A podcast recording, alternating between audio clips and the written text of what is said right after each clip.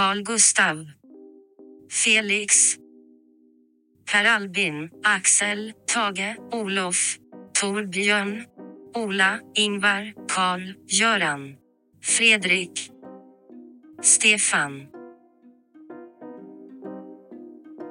Majoriteten av Europas länder har haft det. Alla våra nordiska grannländer har haft det. De till och med har det just nu.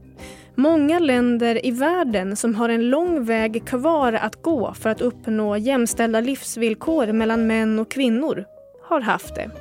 Men ett av världens mest jämställda länder med världens första självutnämnda feministiska regering har aldrig haft en kvinnlig statsminister.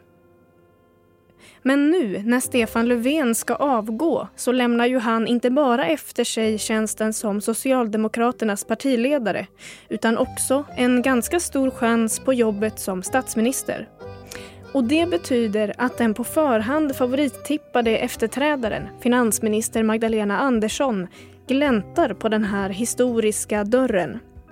Och nu, hundra år efter att kvinnor fick rösträtt i Sverige så lyfts röster som vill se att Löfvens efterträdare ska vara en kvinna. Samtidigt som andra menar att det vore förkastligt att ha kön som ett kriterium vid val av ledare. Dagen efter att Stefan Löfven meddelat sin nära förestående avgång så möttes Aftonbladets ledarskribent Jonna Sima och den borgerliga debattören Alice Teodorescu Måwe i Aktuellt. Och så här lät det då. Personens kön är helt irrelevant och det är det som är poängen med jämställdhet. Det var det som jämställdhetskampen handlade om, att kön inte skulle spela någon roll. Det ni gör idag, 2021, det är att lyfta fram kön som den primära markören. Kön spelar och det är roll, på det där. Ja, nej, men det är klart att kön spelar roll. Det spelar roll i Sverige, det spelar roll i alla länder. Och Varför Sverige spelar det roll? Ja, spelar kön roll eller inte? I dagens avsnitt av Aftonbladet Daily så dyker vi ner i frågan om varför Sverige aldrig har haft en kvinnlig statsminister. Jag heter Liv Elgenklöv. Idag gästas vi av statsvetaren Linn Mårdstam. Och hon får börja med att svara på frågan om vad man kan säga om debatten som pågår nu. Man kan säga att den inte är ny, att den får eh, massa gamla debatter redan tidigare eh, avklarade att återaktiveras. Eh, men att den är, den var väldigt väntad. Det visste jag att den skulle komma i princip när Stefan Löfven skulle, skulle vid något tillfälle avgå eller när det skulle ske ett byte. Så kan man ju säga. Men vad, vad menar du med att den inte är ny? När har vi sett den förut? Ja, i princip vid eh, de senaste skiftena inom Sveriges större partier i alla fall.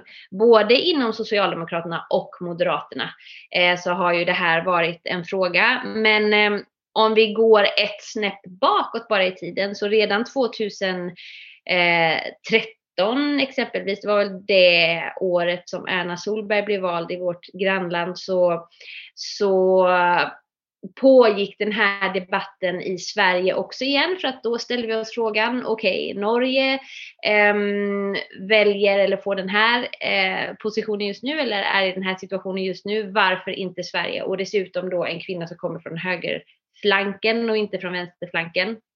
Eh, så att det här är ju någonting som inte är helt nytt eh, och det återkommer ju. Ehm, nu särskilt så är det ju så att ehm, Sverige orsakar ju lite höjda ögonbryn när vi också har en politik som är etiketterad eh, feministiskt. Eh, feministisk då att man har en feministisk regering och en feministisk utrikespolitik. Då så inbjuder man ju till att den här debatten kommer föras eh, med tanke på att makt och representation är ett, är ett så starkt ämne inom det här. Men kan du se att den här debatten har eh, ändrat tonläge på något sätt? Eller är det liksom en eh, repris av alla, de, alla samma argument? Men i princip så är det ju en repris. Eh, man kan väl säga som så att det är eh, det, det delar upp eh, argumenten i två läger. Då de ena som menar att det är fullständigt självklart att det ska vara en kvinna. Eh, särskilt hundra hela år efter att kvinnor officiellt har rösträtt i Sverige. Eh, vi pratar då om andrakammarvalet 1921. Eh, så vi firar ju just nu, eh, eh, eller markerar just nu ett, ett slags demokratijubileum i Sverige. Den sidan som menar att det är verkligen dags, inte bara eh, för att det behövs överlag men att det har tagit så lång tid och där vi är liksom i en, i en historisk tid som är i en historisk tidpunkt som är, som är viktig att markera det här för. Å andra sidan då de som menar att kön har ingenting med kompetens att göra. Eh, kvotering är diskriminerande på flera olika sätt för att det är orättvist. Det är orättvist även mot den person som kommer inneha en viss post som man då menar är eh, en kvotering till. Men de personerna som nu är i, i tal för en statsministerpost är, om vi då till exempel tar en sån som Magdalena Andersson, är ju en sån oerhört kompetent person. Så egentligen så borde man ha rört sig vidare eh, från debatten här nu om, om just könet. Eh, det är ju så att eh, det är dags för byte. Och det finns numera namn inom Socialdemokraterna som, som är kvinnor och är kompetenta och som skulle kunna ha platsen inte bara för att de är just kvinnor utan för att kompetensen finns där. Men frågan är ju, och det som man undrar, det är ju, är ju varför har det inte skett tidigare? Ja, det har ju också diskuterats och då får jag referera till andra statsvetare. Ehm, Jenny Madestam har ju forskat kring det här eh, om specifik ledarskapskultur inom både Socialdemokraterna men även eh, Moderaterna. En förklaring är att eh, det har skett, det har varit så historiskt att statsministerposten eh, inom exempelvis Socialdemokraterna har innehafts länge och det har varit få byten så att det har liksom inte varit eh, någon direkt chans att komma in till för någon i princip utan det har varit ganska långa cykler för de som faktiskt har, har innehaft den här posten. Eh, sen så en annan förklaring är själva partikulturen, att den personen som, som skulle vara aktuell för den här typen av uppdrag ska ha verkat länge inom partiet och har suttit länge. Och då historiskt så har det ju varit män eh, som har varit inom cirklarna och inom på vissa positioner. Eh, så att de som premieras då för att ha varit eh, under lång tid och troget och lojalt eh, och representerat partiet och tjänat partiet ska då ses lite längre fram också få liksom den här eh, stjärnutmärkelsen senare. Det har ju då historiskt varit män. Eh, så att det har varit flerfaktoriellt varför det kanske har varit trögt att, att komma fram till just exakt den positionen som kan leda till en statsministerpost. Just det, men, men en av de faktorerna är ju då kultur alltså. En partikultur och en, en kultur i, i politiken. Men, men vad tror du Linn, kan det, kan det vara någonting som är på väg att skifta nu och det här äh, som du nämnde också, demokratijubileumet som vi ser nu. Är det någonting som liksom kommer lägga sig på vad ska man säga, gungbrädan och få det att väga över?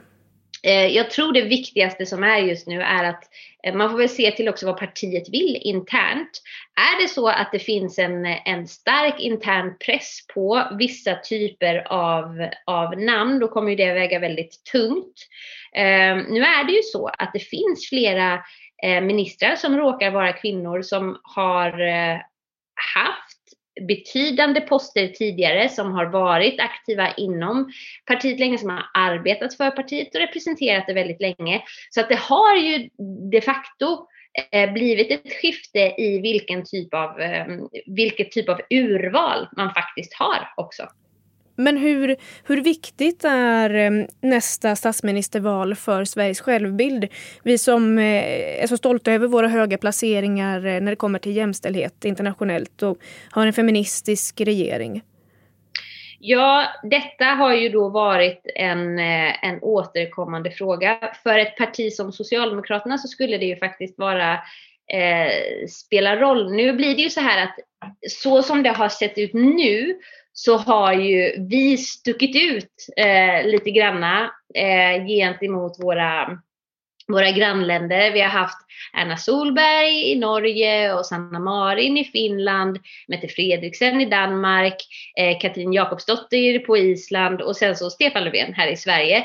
Eh, och vi har varit väldigt vokala och tydliga med med att det är otroligt viktigt med, eh, med mångfald och representation och att det här spelar roll, den här frågan. Um, när det gäller vår självbild så, så är det ju så att vi är fortfarande stolta över exempelvis en sån sak som den feministiska utrikespolitiken som får man väl ändå se en ingenjören bakom har varit en kvinna som har suttit på utrikesministerposten.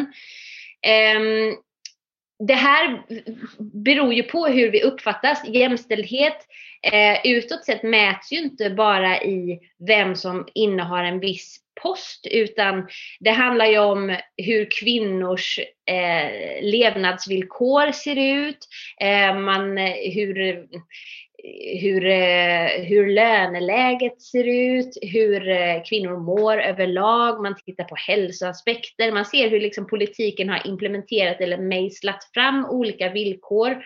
Ehm, så att det handlar ju inte, själva jämställdhetsindexet handlar inte bara om om exakt den här posten utan det är ju flera olika saker som mäts när man tittar på internationella jämförelser. Så att det är inte bara enkom den här frågan som är viktig för Sveriges självbild utåt eller hur vi betraktas utåt eh, av andra länder i jämställdhetsfrågan. Hur har det sett ut om vi blickar historiskt?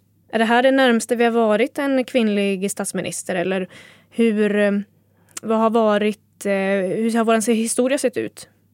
Alltså varje gång en kvinna i de större partierna har lett partiet så, så blir ju det här en person som måste tänkas vara eller kunna vara eh, Sveriges statsminister. Och där har vi ju varit tidigare i de större partierna i Sverige.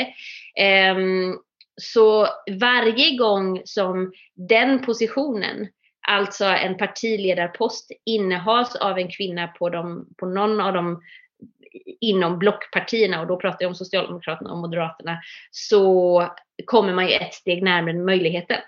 Eh, så att vi har ju inte varit helt långt bort tidigare. Men huruvida det faktiskt omvandlats till en statsministerpost, det har ju också det har ju med valutfallet att göra och det är många andra faktorer som spelar in där också. Just det. Men, men ponera att Socialdemokraterna väljer en, en kvinnlig partiledare och då statsministerkandidat. Då är det ju ändå ett ganska knepigt läge för, för henne i så fall. Det har nyss varit regeringskris, det kan hända igen. Budgetförhandlingar väntar och det är val om ett år. Så hur är det, blir det istället en fälla att bli vald nu och inte efter ett val? Ja, så här är det ju att det är, det är ett knepigt val var man än kommer ifrån för position. Men det har att göra med det parlamentariska läget eh, i Sverige. Eh, det har ju diskuterats tidigare om Stefan Löfven skulle välja att avgå tidigare eh, eller fortsätta. Ehm, nu valde han den här tidpunkten och han har angett sina skäl för det. Eh, men det är klart att det är ett knepigt läge. Eh, och det är en ny person som i så fall får ta över de här samtalen. Eh, och vem det blir, det kan vi ju bara spekulera i. Och hur utfallet blir, ja det blir inte enklare, så kan man väl förmodligen, så kan man säga. Eh, men vi vet ingenting om det utfallet, utan det får tiden utvisa.